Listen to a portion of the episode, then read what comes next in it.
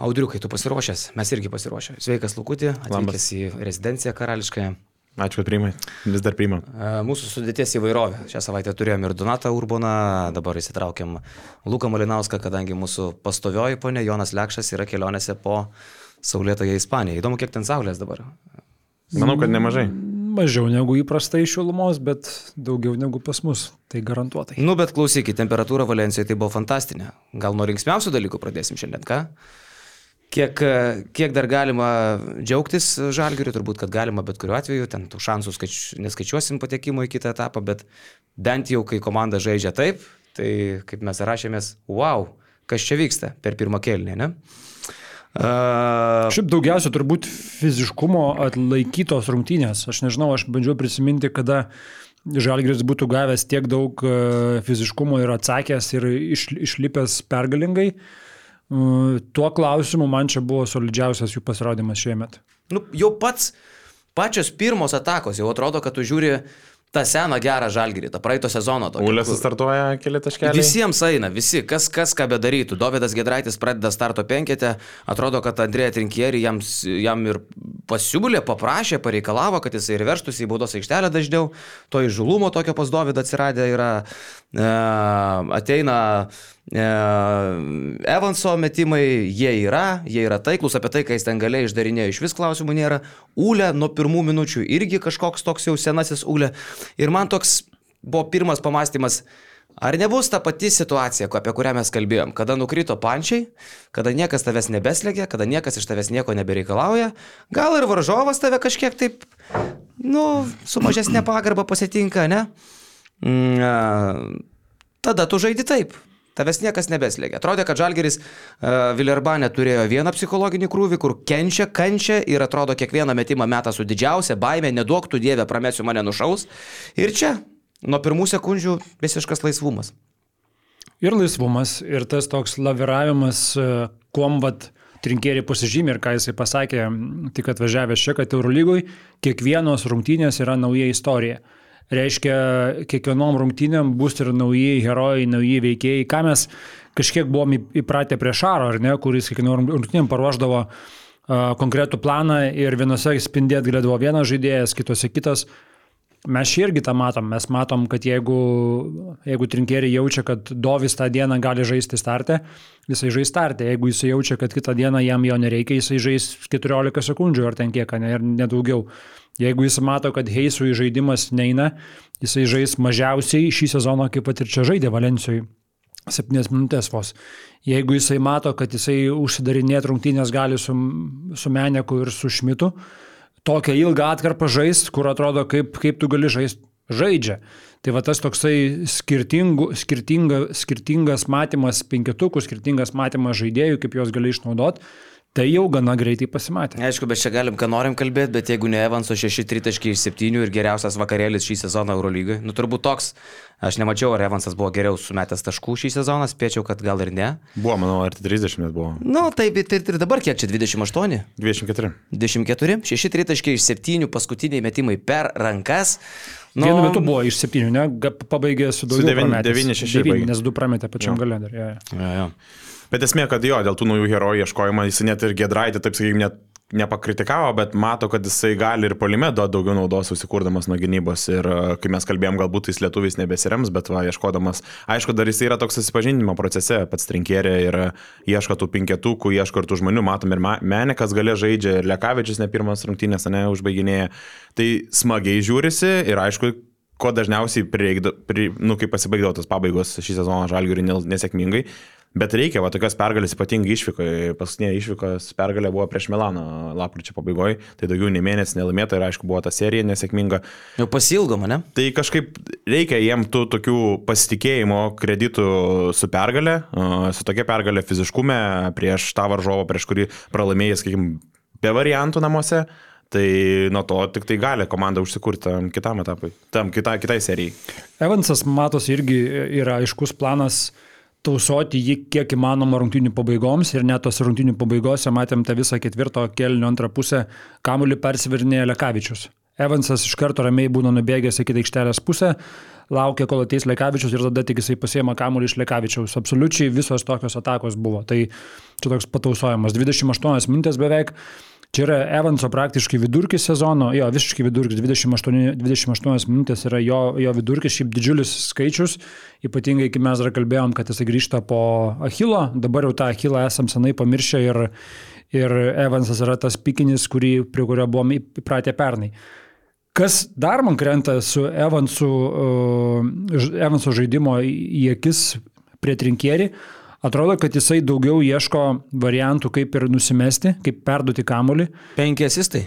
Penki asistai per visas paskutinės trijas rungtynės su trinkeriu. Vis, visa šita trumpa atkarpėlė, aišku, dar labai maža atkarpėlė, čia didžiulių išvadų daryti nereikia, bet atrodo, kad to ieškojimo yra daugiau ir jo paties komentaras buvo, kad tas ieškojimas perdavimo linijų e, yra tai, apie ką mes kalbame su treneriu, tai, tai akivaizdu, kad jisai ir iš jo yra prašoma ir daugiau įtraukti komandą, ne tik tai pačiam ieškotų variantų taškus rinkti. Buvo, žiūriu dabar dar prie Kazio, su Feneriu 5, su Partizanu 3, su Monaku 4 asistai, e, su Monaku net 7 asistai buvo irgi buvo tokia atkarpa, kai jis padalino pasiukų ir prie kazio. Tai gal negali visai sakyti, kad čia dabar kažkas labai pasikeitė. Nu, čia ne. labai mintis aiškiai, nes e, jeigu, visi, jeigu taip Evansas toliau žais ir taip deliverins, tai koncentracija bus didžiausia varžovų į jį ir e, nuo, nuo jo tada turi atsiverti tie keliai kitiems žmonėms. Aš dabar pažiūrėjau pagal naudingumą, tai Evanso čia buvo tikrai negeriausias rungtynės, bet pagal vaizdą aikšteliai, pagal tuos metimus, kuriuos jis met, aš sakau, labai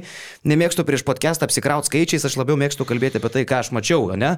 Tai kai tu žiūri momentą, kada žmogus pataiko metimą, į gynybą prieš jį, per kokias rankas jisai meta, žinai, ir mes jau tiek prie to pripratę, kad čia jau pasidarė normalu, tipo, kad taip turi būti, čia viskas yra gerai, ne, taip neturi būti, tai yra visiškai elitinis įgūdis, tas jo tritaškis, sutrėpsi tom kojytėm ir šeria per rankas. Ir visi žino, kad jisai šers. Ir ką? Nieko, nieks padaryti nieko negali. Ir man su kiekvienu realiai... tokiu metimu būna mintis, viso gero, mano mielas priešė, nėra šansų jo išlaikyti net už lemą kitą sezoną žalgerį. Ne, tai čia visi tai žino. Visi... Bet už pusantro. E, man tai dar, žinai, kai kurie metimai tokie, paleidžia, ką darai? O, geras metimas, bravo, bravo, bravo. Durnių! Durnius tu nesi.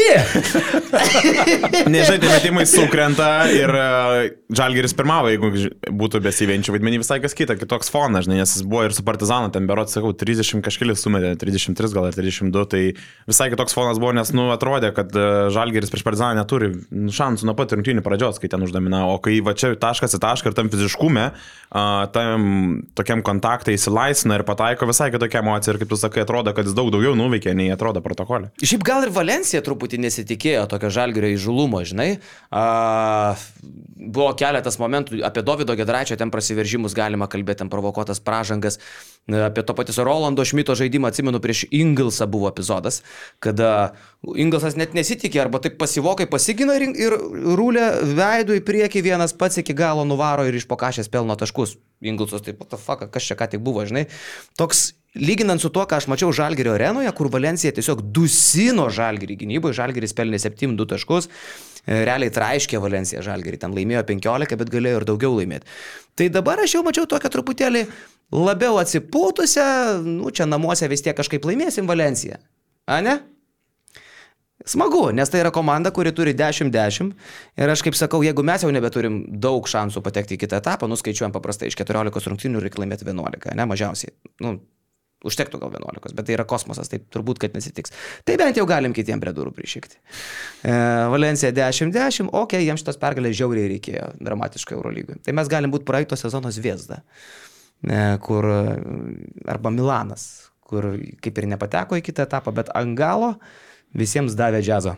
Dalykų pagadino, jo. jo. Mes kalbėjom, kad čia kaip tos rotacijos keičiasi galbūt nuo kazio, bet uh, ką reikės gaivinti trinkerį, tai reikės gaivinti Heisą, nes Heisa dar vienas toks, sakykime, blankus grajus, minus 3 naudingumo ir matosi akivaizdžiai ir pats įsimušęs iš to ritmo, nes prarado vietą ir startiniam penketė.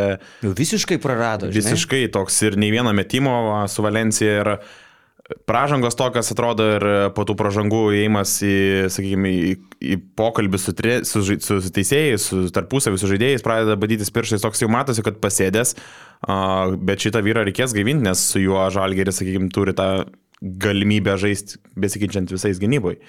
Tai įdomu, kaip šitas bus, nes atrodo, kad dabar visiškai demoralizuotas, kai žiūri dabar Evansas, Evansas pataiko, viskas sekasi, bet atrodo visiškai išjungtas Geisas. Ir atrodo, kad jis realiai nebeįgalus tampa polime, nes a, k- kokios jo didžiausias galimybės? Jo galimybės yra skraidyti virš lanko, po lypų, pasimti antrus šansus ir to nebėra ir žaidėjas visiškai pasėda. Per paskutinės penkias Eurolygos rungtynės Evansas yra surinkęs. Heisas. Atsiprašau, Heisas yra surinkęs devynis naudingumo balus. Tai koks čia vidurkis? Per kiek? Du su pusė.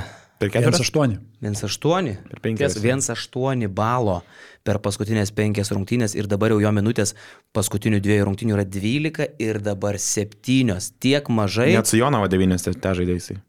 Ir tiek mažai šį sezoną Eurolygoje jis dar nebuvo žaidęs, su Bayernu dar buvo lapkričio 17 žiūriu 8 minutės, 7 minutės prieš Valenciją, LKL, e, jeigu taip imsim dabar jau trinkierio erą, tai turim ką mes, broliai, kurmiai. Turime Jonavą. Jonavo de- buvo debutas. Jonavą turime. Ir 9 minutės jo ir e, su Vulvom 15, ai, bet čia dar prie Kazio. Su Vulvom. O prie, Čia dar prie Sabonio. prie Sabonio 9 žaidė. Ten buvo KMT 9. Ai, KMT, jo. Jo. jo. Žodžiu, e, visiškai pasitraukęs į antrą planą. Tai Kita vertus, mokam bičiui tiek, kiek mokam. Žalgeris turi pigiausią Eurolygos priekinę liniją. Turbūt, kad objektyviai sakant, aš tai galvoju, kad ir silpniausia, nes kažkas tai Alba galėtų minėti, kad, ei, jie dar prastesni, bet jie turi Timoną, mes tokio centro neturim. Nu, Timoną ketvirtų gali Žinai, jeigu tu skaičiuoji priekinę liniją, tik tai centrų liniją, bet jeigu tu skaičiuoji ir ketvirtus, tai šmitas ten. Tada mes prieš paskutinį, sorry. Jeigu mes jau skaičiuosim, nu, okei, okay, jokauju, patenkam gal ten į kokį. Uh, nu, kokie, ką žinau, ką mes lenkiam. Jeigu žiūrime, Ne, nieko mes su čia ne, ne piragai. Daug nelenkė, bet sezono pradžioje atrodė, kad, nu, išlaikė Žalgeris turi elitinę tokią, sakykime, tą priekinę liniją. Žalgeris du vardus painvestavo į gynėjus, buvo tokia e, filosofija kažkada. Painvestavo, bet ir iš, išpardavė. Iš, iš porceliavo dabar. porceliavo. Pasikeitė, į Lombardą išnešėm prasdeikį. Tai va. E, kalbant dar apie varžovus, blemba koks begalvis pasidaręs Brendanas Deivisas. Begalvis gal ir gerąją prasme. E, jis tokio dabar turi, atrodo, ir naglumo, ir įžulumo, ir netgi perdėto pasitikėjimo to, ką jis daro aikštelėje. Panašu, kad Mumbru jam pasakęs, daryk, ką tu nori, koks man skirtumas. Ir kur vienu metu buvo, kur su Šmitu jis ten. Šmitas ten lik ir paprieštaravo teisėjui, kad buvo pažanga, kovojant dėl kamulio ten kitokio. Timtelė susikryžiavo, jo. Ten Bet ten šmitas gudriai, gudriai, čia tokie jenkia gudriai. dalykai jau, Jo, kur jo, jo, jo. iš apačios patempi ir atrodo, kad e, varžovas turi būti kaltas, ne aš.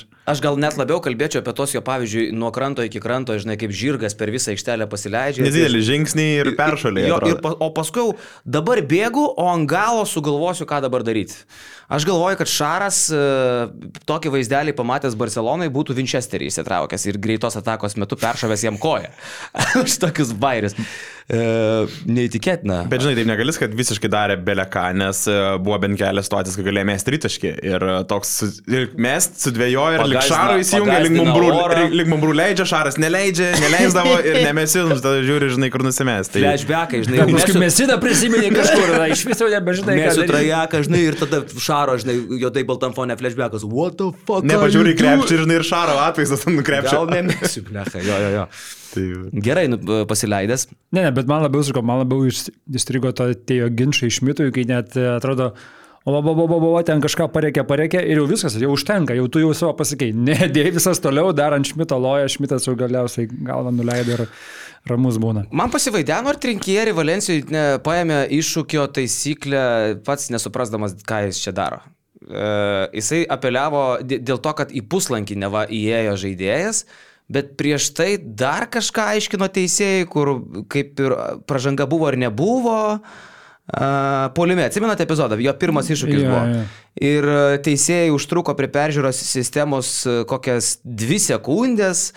Toks trinkeri pats pasimetęs ten atrodė, kaip ir nelabai suprato turbūt dėl ko tą iššūkį pasėmė. Antras iššūkis buvo fantastinis, nežinau kas ten jiem patarė, kai gavo nesportinė Ingilsas. E, tai teisėjai nebūtų šiaip peržiūrinė epizodo, bet pats pirmas iššūkis, man atrodo, kad rinkėjai taip giliai širdį pats pagalvojo. aš pats neužfiksavau, bet jo, ką buvo ten toks e, susi, susi, sutrikimas kažkoks. Taip keistai keistai pasirodo. Jo, jo, jo, jo. Jis labai gerai įsiduoda, nes Jo, jo, jo. tos manieros, jis, sakai, moka džiaugtis, Jo, jo. bet ir rodo pasimetimą, žinai, tokia mokytės, kai laksto. Tai. Dabar gal Ir- niekas nesupras, ir kad aš nežinau, ką padariau. Ir tas veidukas biški, žinai, taip, ir akytės. Jo, nu vis tiek, italiukai, jie turi, turi tą tokį vaibelį akise. Apie teisėjus kalbant, šiaip įdomus epizodas buvo, kai Evansui davė techninę pražangą. Ir kas įdomiausia, ne, kad paskui liko kamuolys žalgiriui, tai užfiksavo, kad ten Ulanovas tą kamuolį atsikovojo. Nors realiai, kai techninė pražanga pati įvyko, tas kojų išmetimas, kamuolys dar buvo ore, ne? Dar Ulanovas jo nebuvo sugriebęs. Tu kalbėjai apie kurį epizodą? Apie pabaigoj. techninę? Pačiam, pačiam gale, kai Evansas gavo techninę, e, mesdamas il- kad išmetė kojas į priekį. Jovičių Ir- berots įspyrėjai ten. Jo, Jovičių į ir- kliną. Ir ten, ir ten tas epizodas, sakau, buvo, Nu, tipo, kur, į tą vietą buvo, jo, jo, maždaug, į tą bukojį. buvo priimtas sprendimas kamuolį žalgiriui palikti. Tai va tas toks, kur labai labai labai stipriai padėjo žalgiriui sprendimas, nes tu duok kamuolį Valencijai tam momente Jo.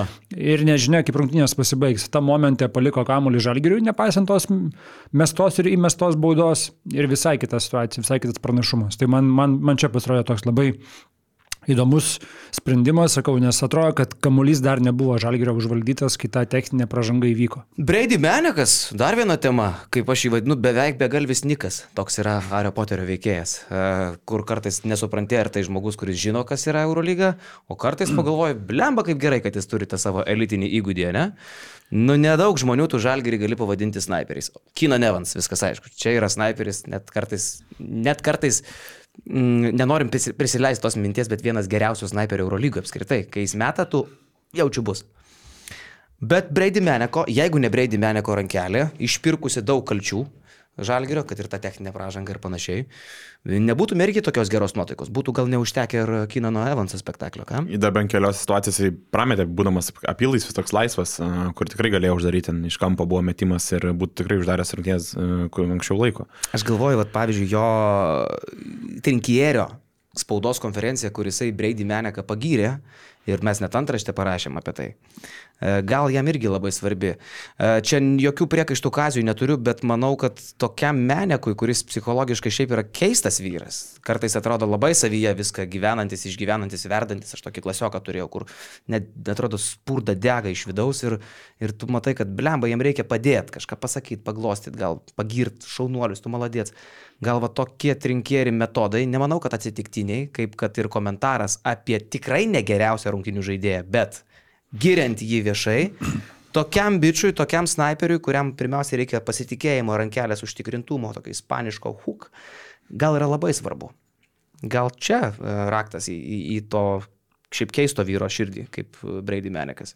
Čia, žinai, gali žiūrėti, tai ir Dovydas Gedraitis gyrė, pagyrė ir Gedraitį, kad gerai dirbo gynyboje, bet reikia polime didesnio jo įžulumo ir taip pat ir Menikas. Tai čia tas susipažinimo momentas su ta komanda, bet jo, matosi tie pirmieji dalykai, nes ir Menikas, sakau, ir pabaigoje žaidė, kur atrodo prie kazio mes, nu, nematytume įtemptose pabaigose Meniko, nu, gynyboj, per kurį dar laužė vieną iš paskutinių atakų. Tai... Esam matę. Ir- Esam ir- matę. yra Ir, ir buvę, esam prasikeikę ne kartą. Ne, ne, ne. bet, dažnai, buvę. bet dažnai būtų kazys išėmęs į... Kur aš ir kas Luką. čia vyksta. Taip pat ir Luką Lekavičių, bet esmė, kad jo, Menikai, Menikui reikia pasitikėjimo, nes ir būdavo vat, tarp tų pralaimėjimų, kai ne į, į Rubinę visą laiką nuleidęs galvą, jis man toks panašus labiau į Australą, gal kokį į Lendylą, ką mes turėjom, kur kai sekasi emocijų daug gerų, kai nesiseka irgi labai daug, nes e, ten po vienų pralaimėjimų, ten, žinai, Rubinį nusi, nusi, nusipjauna tą teipą, Rub- į savo spintelę šveičia, žinai, tada nuleidęs galvas, panyrėsi save, lyg nenori su žurnalistais bendrauti, nugarą. Čia. Landėlas toksai.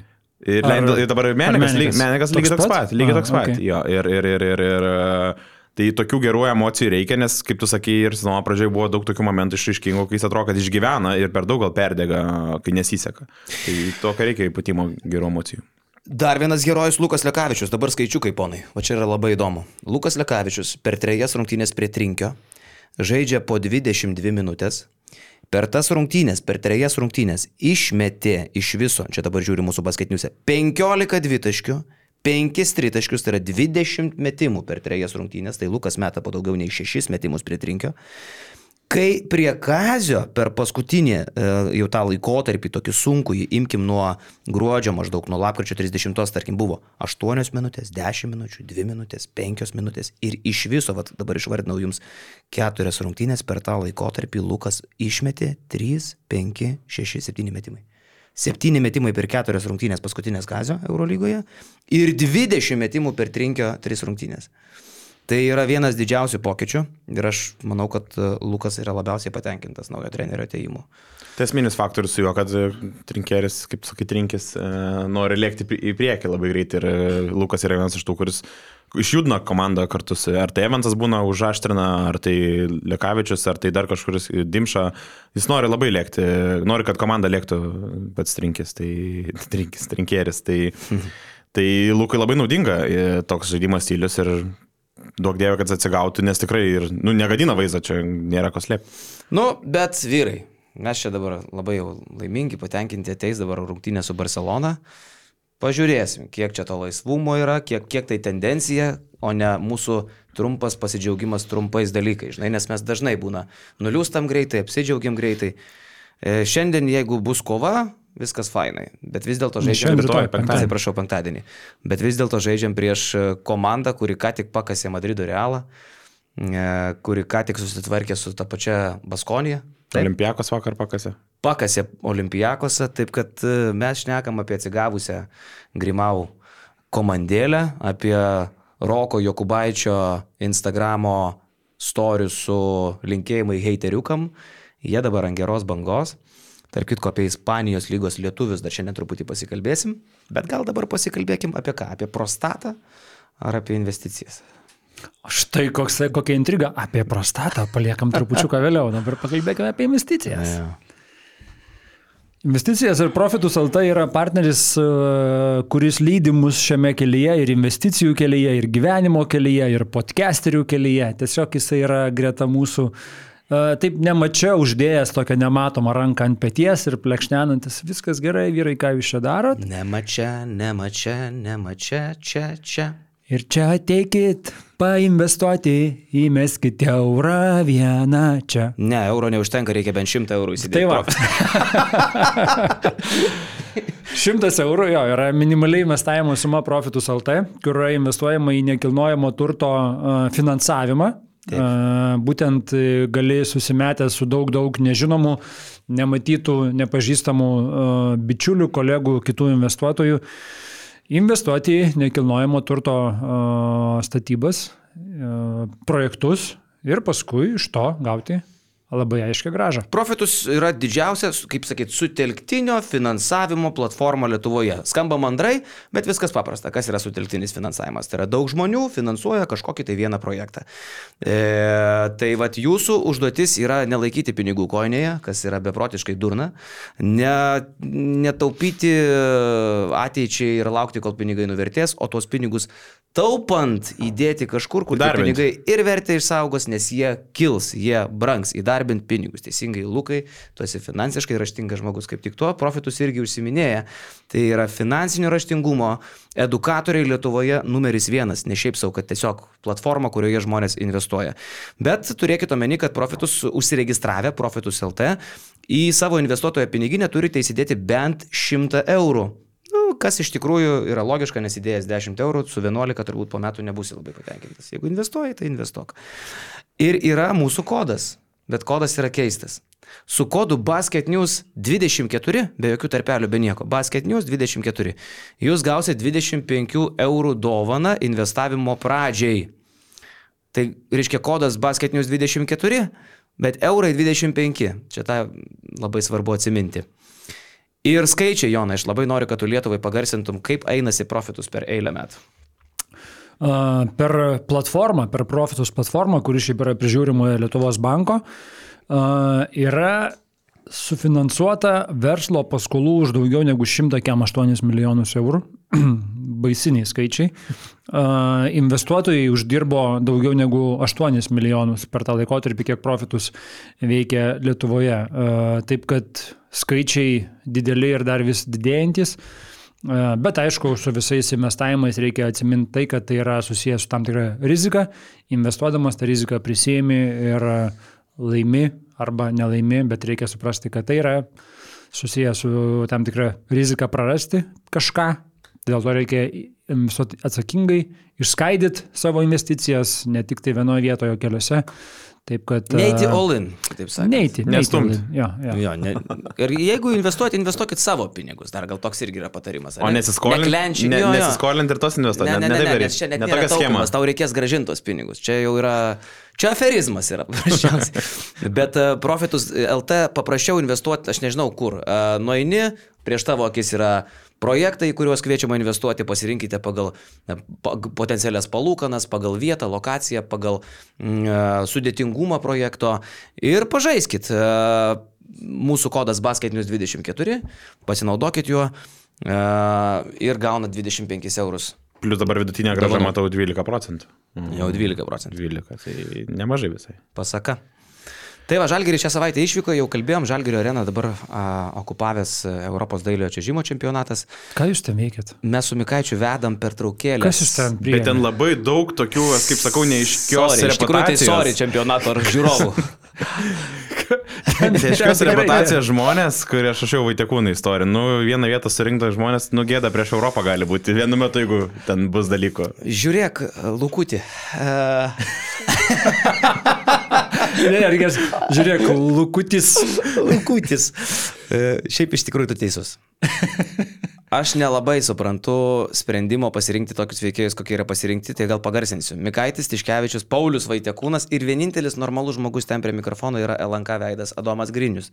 Paskui Normalusis tik ekrane. Tikrųjų. Ervinas Kvitkauskas, ką, kokią funkciją? Jis, Irvinas Kvitkauskas, kalbant jau apie e, visiškus, mm, kaip čia gražiau pasakyti, įdomi žmonės, jisai yra Europos dailiojo čiažimo čempionato organizatorius, pagrindinis žmogus. Ai. Vadovas Bet organizatorius. visur tie patys veidai, žinai. Ar vyktų futbolas, vyktų krepšinis, vyktų dar kažkas čiažimas, tinklinis, visur tie patys. Kaip bebūtų gaila, ten yra ir Benediktas Petkus. Jis yra vienas iš svarbiausių žmonių. Bet kas mane nustebino, įsivaizduokit, vakar. Pirmą valandą dienos prasideda reikalas. Trečiadienis. Žalgirio arena 5000 žmonių. Aš pasiėmiau mikrofoną ir mano pirmas klausimas, kodėl jūs nedarbe? ir mano mama mojuoja iš tribūnos. Jam šito gal nereikėjo sakyti. Man, suprantate.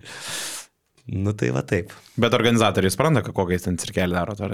Mes normaliai ten viską Aš darome. mačiau ir bučkiai eina. Nu tai pertraukos, jie- jos neina į teliką, žinai.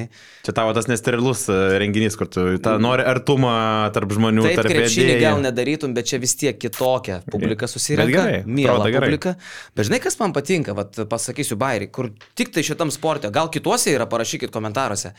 Bet dailiajame čiuožime sirgaliai serga už visus. Ir pavyzdžiui, aš savo akim mačiau vakar, kaip tie patys žmonės iškelia Prancūzijos vėliavą, kai šoka prancūzas, ir visa arena bent kelios grupelės su Prancūzijos vėliavomis, ir tos pačios kelios grupelės, ten gal penkios šešios vėliavos pažiūrusios po areną, ateina italas šokti ir jau Italijos vėliavą jie laiko. Aš vakar iš tikrųjų buvau įsijungęs ir stebėjau, nes žiūriu, ir Suomi palaiko, ir, ir Latvis buvo, ir žmonės, aš neužfiksavau, ar taip pat žmonės tas vėliavėlės tik tai keičia, nu bet e, malonu atrodo, bet atrodo kaip ir užsakyta biškai. Nu ir mes sakom, make some noise, taip if you are from France. Ir ten, yeah, if you are from Italy, tie patys žmonės, yeah. Va, Kas, žinai, va toks neįtikėtinas. Ir dar kitas dalykas. Aš galvoju, va, pavyzdžiui, vyktų kokia atsilupusiai šalia, įsivaizduokim Rusijoje, ne? Įdomu, ar rusų žiūrovas laikytųsi esminės taisyklės, kai šokėjas jau ateina ant ledo, yra visiška tyla ir nie, nei vienas žmogus, o tų žmonių 5000, neišei, neišleis jokio, je, je, je, ten žinai, kaip save atkreipti dėmesį. Visi mirtinoj tyloj, kaip tenise. Žinai, nu galvoju, kokia kultūra a, žmonių. Tai ir mes kažkaip su Mikaičiu, nu be- nebedrįstam ten išeiti su šudinais kolukėtiškais batais ir nesąmonę šnekėti, nes tu matai, kad, nu, visai faina publika, žinai. Bet gal į tą ateina ir tie kultūringi žmonės, žinai, tas sportas ir atsijoja, tas, Jo. sakykim. Tai Jo. aš manau, kad čia gali būti visai. Tai va, tai žalgiriukas, kol čia vyksta reikalai Kaune, iki sekmadienio laiką leis uh, išvykose. Pakalbėkime apie bėdas. Bėdas. Apie ką čia, apie Kitaip, kitaip ir būti negali. Lietkabelį. Vakar. su rytu? Tai ryto vakar turbūt nuo, nuo jo pradėkim, baigėsi Hebrai sezonas Europoje. Štai Jonai noriu, kad tu kaip laidos vyriausias redaktorius griebtumėsi dabar visiško atvirumo. Ir kas tavo ant širdies apie rytą, tą ir pasakytų. Tai žinai, aš manau ir jie patys suprato, kad jie sezoną nuleido aną savaitę Vilniui pralaimėję. Uh, pagal tos komentarus, kas buvo po rungtynių ir mūsų Lukas Katilius nuvažiavęs buvo ir padarė tikrai ten nemažai reikalų, pašnekino žaidėjus po rungtynių, tai... A, jis buvo Atenuose? Tai jo, tai, tai kaip, kaip kalbėjo žaidėjai, tai dar buvo bestas pirštas anksčiau, dar kai grupių etape buvo pralaimėta ir, ir Prometėjui, ir, Ir ir Dižonui. Dižonui, ir nebuvo laimėta pirma vieta grupėje, kas tau neleido iš karto patekti top 16, o reikėjo tą pleiną žaisti, tai tų tokių pirštų badimų, kur galėjo būti geriau, buvo, buvo ne vienas. O vakar, aš nežinau, man tai tokie baisiniai flashbackai į praeitų metų paskutinės rungtynės, kur irgi kalbėjom prieš savaitę, pateikinėjau tą pavyzdį, kai atvažiavo Mursija, turi ten ją nusigalę 13 taškų, pirmam kilinitų viską paleidai, antroji pusė Manresa, sugrįžti. Manresa. Manresa, Ba- aš vėl maišau su Mursija, bet teisingai. Tas pats. Sugrįžti, turi pranašumą jau atrodo, jau tu išsaugosi jį, keliausi toliau ir paleidi viską. Tai vakar labai panaši istorija. Rytas vakar kiek vienu metu 19 taškų turėjo deficitą, 19, ne? Sugebėjo sugrįžti, atrodo, jau tu, jau tu kontroliuoji rungtynės, jau tu kažkaip jas perlaužinėjai ir teoriškai taip ir būna, kad jeigu komanda grįžta, jinai nulaužia ir jinai laimė jas.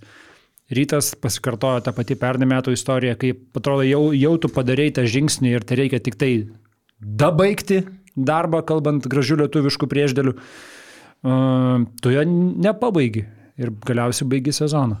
Ir baigys sezoną sausio 11, dabar lieka tik tai LKL ir KMT. Nu ir čia vėl a, ta čempionų lygos specifika, kai buvo dėl COVID sumažintas tas grupių, komandų, komandų skaičius grupėse, tu pagalvoji, kad, a, kad tau pasisektų ir nereikėtų jau, nežinau, sausį ar tai gruodžio vidury žaisti finalų, tu mėgini tą brandalį lipdyti ir jį išlaikyti kitam sezonui, bet a, tas vaisių nedavė ir atrodo galbūt kažkiek tas Fosterio prisijungimas išbalansavo komandą, nes lyg ir tos pirmose rungtynėse galvoja kažkoks bus čia Fosterio efektas, bet ir liktai tą komandą lyg neigė, bet turbūt tikrai tikėjosi kažkokio impulso. Ir vakar Fosteris, kiek čia pabuvęs, dvi savaitės turbūt a, jis vakar rezultatyviausias, antroji pusė jis ten 13 iš 20 taškų savo pelnė. Ir Fosteris rezultatyviausias, kur turbūt ne jisai turėjo būti pirmo vyriškumo žvaigždė, jau šitose rungtynėse turėjo brandulys vesti komandą į priekį. Mūsų kolega mylimas draugas Lukas Katilius rašė straipsnį BN pliusams, va dabar va, išėjo šiandien ryte, aš jį spėjau paskaityti, dužusios ambicijos, kodėl rytas nesėkmingas Europoje ir kas toliau. Tai va būtinai. Čia viena iš priežasčių tapti mūsų pliusais, nes uh, vyrai ir dirba ir moterys dabar jau mūsų komandai dėl pliusų labai daug ir va tokių straipsnių atsiranda ir analizių nemažai. Tik pliusams skirtų ir va, labai įdomus skaičius buvo Luko. Kartai sunku suprasti ir ryto pabirėjimus čempionų lygos išvykos rungtynėse. Per ketverius metus Vilniečiai svečiuose žaidė 20 mačų, iš kurių laimėjo tik 6. Tai negali būti atsitiktinumas šitas ryto va, toks va, sezono finišas. Rytas turi tą bėdą, kurią daug metų turėdavo, tarkim, Kauno Žalgris. Jeigu žaidžia išvykui, bet pff, ką čia. Čempionišką mentalitetą, nugalėtojų mentalitetą net ir išvykoje įdėgė Šaras. Mes buvom pripratę prie to, kad išvykoje Žalgiris gaus. Kas be būtų. Namuose jo, gal, nu, o čia yra šansas. Išvyka, na, viskas. Padedam tašką. Apie ką mes kalbėjome prieš tris Tam savaitės, reikia? Dėl ko- mentaliteto. Dėl ko rytas, Dėgiama tai į organizacijas yra. Dėl ko kalbėjom, rytas turi finišuoti savo grupėje antras, tam, kad gautų aikštės pranašumą, nes mes žinom, kad rytas be aikštės pranašumo nieko nepadarys, ne? Ir sakau, ir man dėl to jau ten pasibaigęs jų buvo pasirodymas praeitą savaitę, kitų namie šitai atsiemiai. Tikėtis iš ryto, kad jis nuvažiavęs į išvyką pasiims komandą, tu negali, nes jie tiesiog nėra įrodę, kad jie gali išvykoj nugalėti normalią komandą. Ir patys turbūt dėl to jau kompleksuoja, bet kaip sakė, atrodo, Gytis Radzevičius, irgi tam pačiam straipsnį, man atrodo, jo komentarai buvo, kad viskas iš esmės sugriuvo pirmose rungtynėse. E, šitaip išeiti į tokios svarbos rungtynės Vilniuje yra gėdinga. Tu žaidi ne prieš Olimpijakos Panatinaikos, tu žaidi prieš Peristerį. Tai yra antra rūšė, bet kuriuo atveju Graikijos komanda. Nu ir tu esi kas kandidatas į Lietuvos čempionus, bent jau taip turbūt save giliai širdį pozicionuoji. Finale nori atvažiavo žaist. Fosteris, žaisi finale, Fosteris su Gorėmu rėkia, kad mes čia turim ne- nesutvarkytų reikalų, suprask, įveikti žalgerį, nes kiti reikalai jau sušikti. Nu, be KMT. Tai, a, tai ir tu gauni nuo peristerijos 110 taškų. Tai mes sakau, mes turim grįžti, kas yra peristerijos. Tai yra pavardės, kurių rytas nenorėtų matyti savo komandoje greičiausiai. Nu, nežinau, Džermeinas Lavas nedomino nieko po to, kai jis žaidė nevėžį, Thompsonas. Palangoj ir ten dar kažkur tai Vilniuje. Centriukas Trevoras Thompsonas buvo pasvalio pieno žvaigždžių vidurio polėjas. O dabar laužė lanką. Apie Reglandą, uh, Mitrulongą, bet ne tą obrolį ir visus kitus mes jau šnekėjom. Ir kai ten visokie dangubičiai tampa starais ir taip toliau, nu, man labai keista.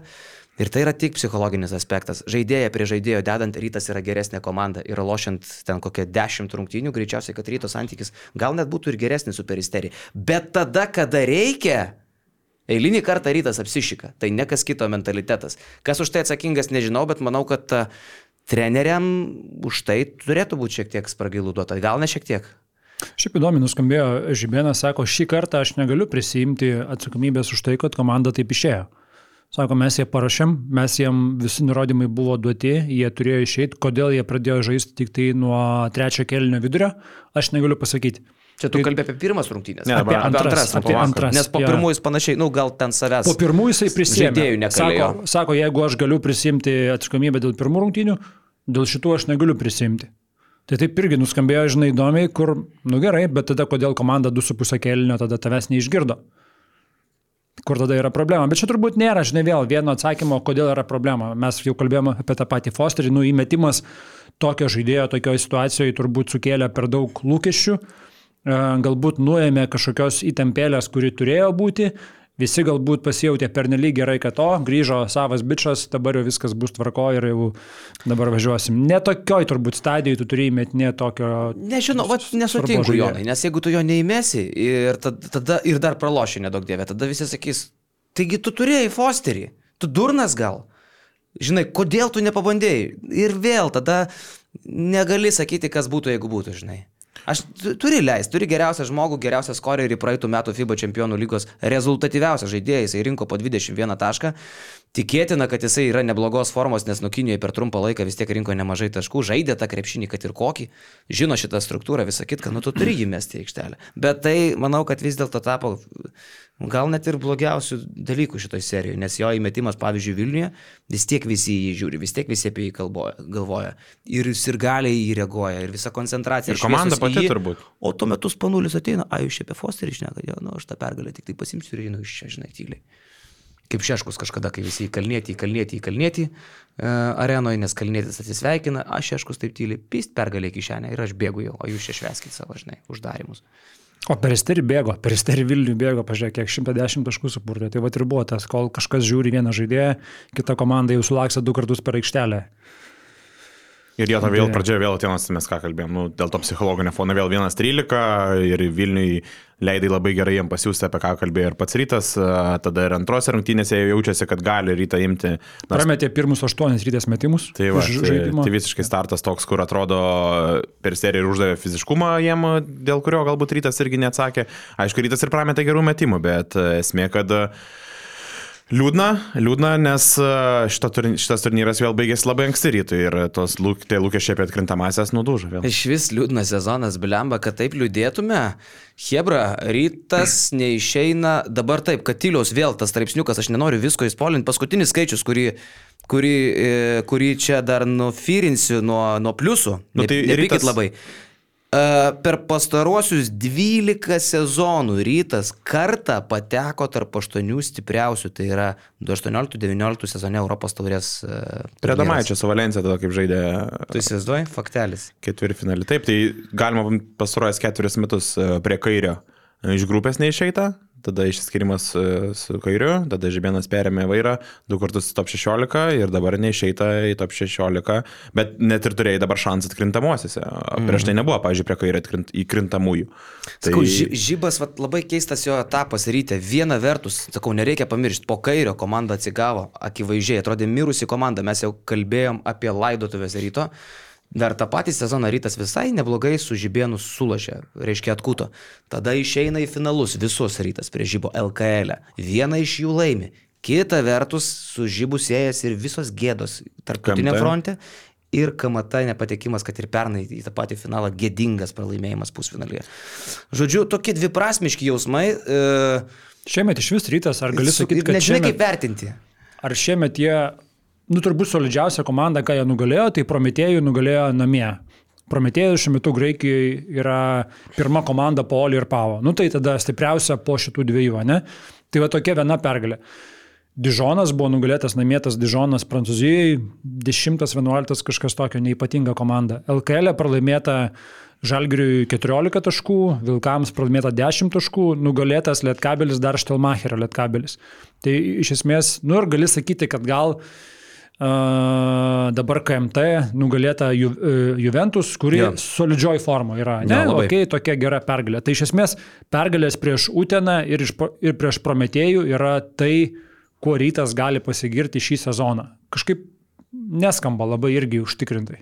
Ir atrodo, kad rytas didžiausias, nu, ir prieš Dižoną. Didžiausias pareigą turi tik tai, vietinė, nu, bet... tik tai vietiniam fronte ir ta FIBA čempionų lygos vėl tas sudėtis, vėl grįžtų prie to turnyro, kad tu suburdamas komandą iš ribotų finansų, labai ribotų, plus dar kai turi tų skolų, turi dar nurašyti ir skoloms kažkuria dalį. Tu suburi su komanda, komanda kurio, iš kurios tikėsi rezultatų jau, nežinau, lapkričio mėnesį, nes tai jeigu startuoji, tarkim, čempionų lygo, kaip ir buvo dabar 0-2, tada tu, tu vėl, tu, kiekvienas turnyrės yra finalas, nes tu bandai į tą pirmą vietą kabintis.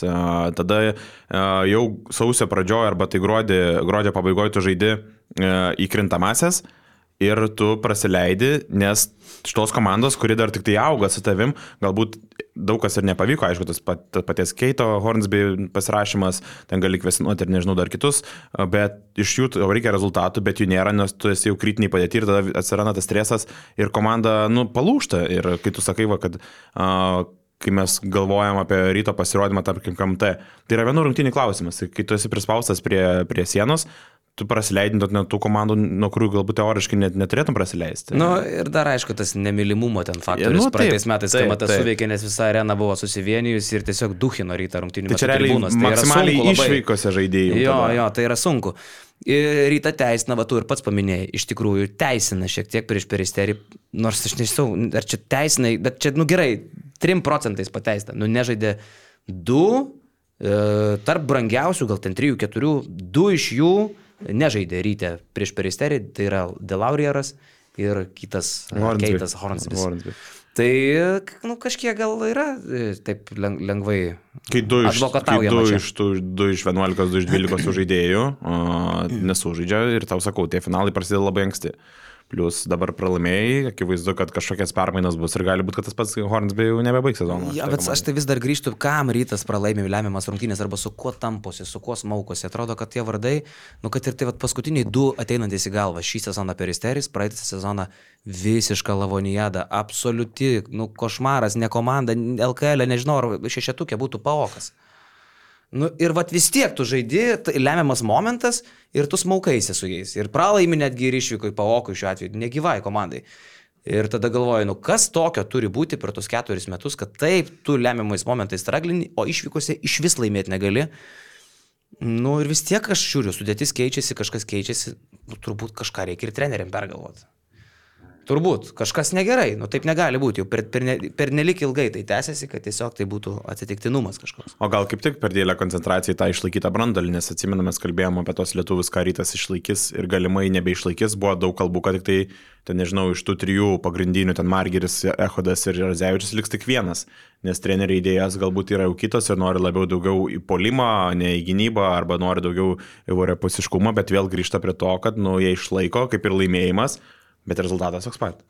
Tai ir idėja galbūt komplektuotis reikėtų kažkaip keisti, nes, nu, grįžtam prie to paties rezultato. Ne, bet Hebra, šį sezoną tai mes čia linksmai to įleisim laiką, žinai. Lietka out, Wolves out, Rytas jau out, Žalgiris, nu, dar čia. Žalgiris gerai, kad Eurolygos formatas leidžia. Tai dabar su ilgai. Kaip, bet realiai mes suprantam, kad irgi turbūt jo playoffus nelabai. Kad uh, ilgai vari Žalgiris, nes ilgas formatas, bet esmė, kad žais, džiaugsimės mažais dalykais. Tai LKL, per, žinai, ką dabar daro? Per galytę. Dviejų mėnesių Milašių. Yes. Dėl to karašio? tai aišku. Ir to pačiu kazys, turbūt, uh, nes uh, reikės kažkaip tą grafiką bus galima pastumti atgal. Ir Balčiūnas. Prieš žalgrį. Nu, apskritai, ta prasme, federacijai žiauriai gerai, kad e, lietuviai neužsibus. Nu, taip, taip, taip, kad nebus dėlės iškrovas. Kita Bet vertus, jo, čia tik tai dalis lietuvių, nes kita dalis žaidžia užsienį.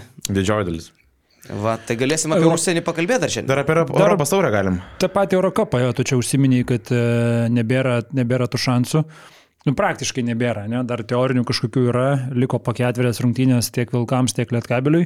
Apie Lietkabelį irgi tą patį gali pasakyti. Išvykose tai yra komanda, kuri praktiškai kaip senu, senais gerais laikais žalgeris laimėti negali. Jeigu laimė, tai o, papa, išvykoje laimėjo Lietkabelis.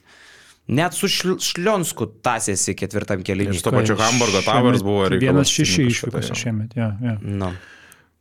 Tai va, bet uh, Lietkabelio varžovas, žinai, topinė komanda šią savaitę buvo. Ir šiaip dabar va dar prieš pat podcastą pažiūrėjom ketvirtą kėlinį.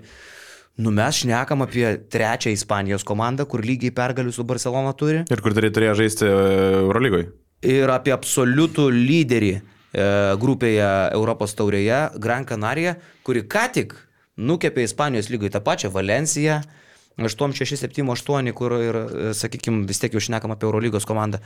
Tai Gran Canaria ir pagal savo sudėtį, ir pagal rezultatus, ir pagal vietas turnyro lentelėse tiek stipriausioje Europos lygoje e, nacionaliniam čempionate ACB, tiek e, Europos taurėje atrodo kaip Eurolygos komanda. Tikrai. Ir tu tą, patį, tą pačią sudėtį žiūri, nu, wow. Tai pagarba lietkabeliu iš tokią kovą. Bet čia vėl tas namų efektas, kur mes ir kalbėjom prieš podcastą, kad a, aš pats mačiau tik gal pusę kelnio, bet sekiau rezultatą ir žiūrint antram kelnį, ten buvo didelis minusas, apie 15 gal taškų ir žiūri, kad Lietkabelis su Sirvidžiu, kuris a, atrodo labai gerai įsikapsto ir paskutinės minutės naina prie tokio scenarijaus, kokią tikrai Lietkabelis ir norėtų tokią komandą prie lygaus. Realiai ten buvo minus 2, bet tada pabaiga vėl nu, nepasisekė prieš toją komandą. Bet žiūrėti ir vidį, jau mes, aš tai tik tai nenoriu, kad mes užsižaistume su šitą temą, nes jau vieną podcastą apie tai trimitavom. Aš sakiau Lekšui, kad tai yra labiausiai krepšininkas, panašus krepšininkas žaidžiantis Lietuvoje. E, Kuo? Nu, visai, visi judesiai, plastika, tie prasiveržimai, toks atrodo vadovėliniai veiksmai aikšteliai. Kur tau, žinai, pavyzdžiui, žiūri Edgarą Ulanovą, Nu, supranti, kad tai yra geresnis krepšininkas šiandien dienai, turbūt užsirvydė, ne potencialas servukas gal geresnis. Bet, e, nu, tau baisu žiūrėti visus veiksmus, viskas taip nerangiai. Grubiai. Sunkiai, grubiai, tie metimai, tie float. Nu, Realiai pa... Vienas negražiausiai žaidžiančių krepšininkų per Lietuvos krepšinio istoriją yra mūsų akcininkas. Ir paneigia to, ge, to tobulaus krepšininko profilį, su tais visais judesiais, žinai. Viskas, kaip mano klasiokas, toks gakas, blembas, sunkus, tie judesiai. O pas tokie, tave klasiokų- rezultatą. pas Čia tave klasiokų buvo gerų? ta- pati klasioka, ar čia tai tas, tas, kur sakiau, viską savyje kaupia, nu, nesakysiu vardą pavardės, vis tiek įžeisi žmogų. Yeah, yeah. Toks vaidas. To ir laukiau. Jo, bet kalbant apie Davidą Sirvidį, nu, nežinau. O jo. čia tie prasiveržimai, verpstės, tas metimas, žinai, kur žmogus pats mėgaujasi to, ką jis daro aikštelį. Nes turi didžiulį pasitikėjimą, žino, kad e, nėra kas, kas, kas lypa už nugaros ir laukia, kad paims jo minutės jau ir net ir treneris gal nori atimti iš jo. Žaidžia daug, žaidžia įs- įspūdingai. Dabar paskutinė atkarpa, nu, neįtikėtina. Ir dabar po šitų rungtynių, kai Las Palmai 31 atseikėjo, tapo rezultatyviausiu Europos turės krepšininku. Po 19 akių. Po, po 9, kaip sako Salė, kiek įmetė? senesnis 19 akių. kiek gavo? 13 akių. tai va, tai Jo. Davidas tokiu žaidimu ir atrodo pastovumas irgi jau matosi. A, 18,9 tašką Europos turėjai ir LKL po 12. Žaidžia daug, turi didelę pasitikėjimo laisvę ir nuo paties trenerio. Įdomu, kaip atrodytų vėl a, toj kitoj komandai, bet šitas sustojimas pas jo karjerai Lietkabelį, nu tai turbūt geriausias sprendimas, koks buvo įmanomas. O apie Lietkabelio šansus kalbant, atsilieka per vieną pergalę nuo playoffų, bet blogoji dalis yra ta, kad e, su tom komandom, su kuriuom jie Taip. varžosi, jie turi minusus. E, su Podgorisa pralaimėjo abiejas, su Trentu pralaimėjo abiejas, e, prieš Ari turi vieną taško pranašumą, bet iš esmės, e, jeigu tu būsi lygiam, ly- lygiam pergalių uh, santyki su trim komandom, tu bet kuriuo atveju būsi paskutinis, nes tu jau du kartus esi pralaimėjęs, kaip minėjau, tom, tom pirmom dviem komandom. Taip kad tokiu atveju Lietkabilis turi turėti daugiau, negu, daugiau pergalių negu šitos komandos, rungtynių lieka mažai. Kiek liko? Ketverios.